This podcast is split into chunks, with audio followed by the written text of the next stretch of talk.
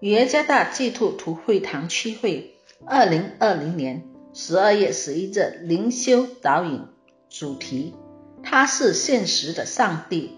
作者：万必恩传道。经文：创世纪九章八到十七节。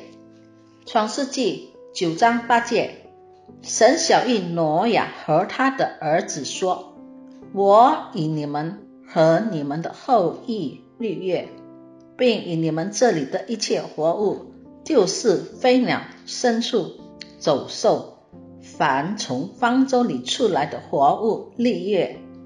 我以你们立业，凡有邪咒的，不再被洪水灭绝，也不再有洪水毁坏地了。神说：我以你们，并你们这里的各样活物所立的永业，是有记号的。我把红放在云彩中，这就可做我与地立月的记号了。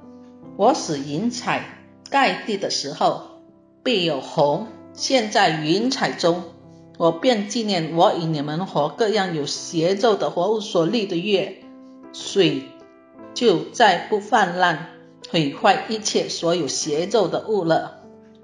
红必现，在云彩中。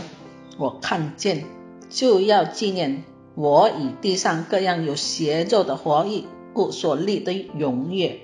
神对挪亚说：“这就是我以地上一切有邪咒之物立约的记号了。”两名基督徒分享各自成为教会成员的经验，他们各自说由于不满。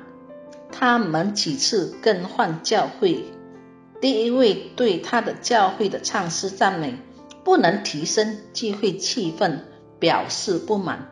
第二个人说，他教会里的讲道并不能满足他的所有需求。实际上，他们两个都没有意识到自己对上帝的不忠。许多教会成员。也不重视，对他的教会不满意，他换了另一间教堂。当他对自己的新教会不满意时，他又换另一个教会，就这样持续下去。上帝对我们并不是这样。如果人类不忠，上帝仍然忠视，甚至忠视于他的应许。过去由于人类的罪恶和罪行，他借着洪水摧毁了大地和人类。洪水平息后，上帝应许了不会再有洪水摧毁大地，而上帝将继续持守它。但是，如果我们思考一下，今天的人类犯罪。要比挪亚时代的人类犯罪可怕的多。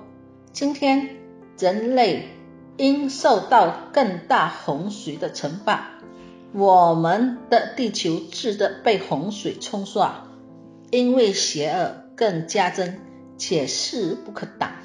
但是上帝为什么不这样做呢？今天上帝对人类的罪宽容了吗？上帝不再这样做的原因是，因为他记得并信使以他的应许。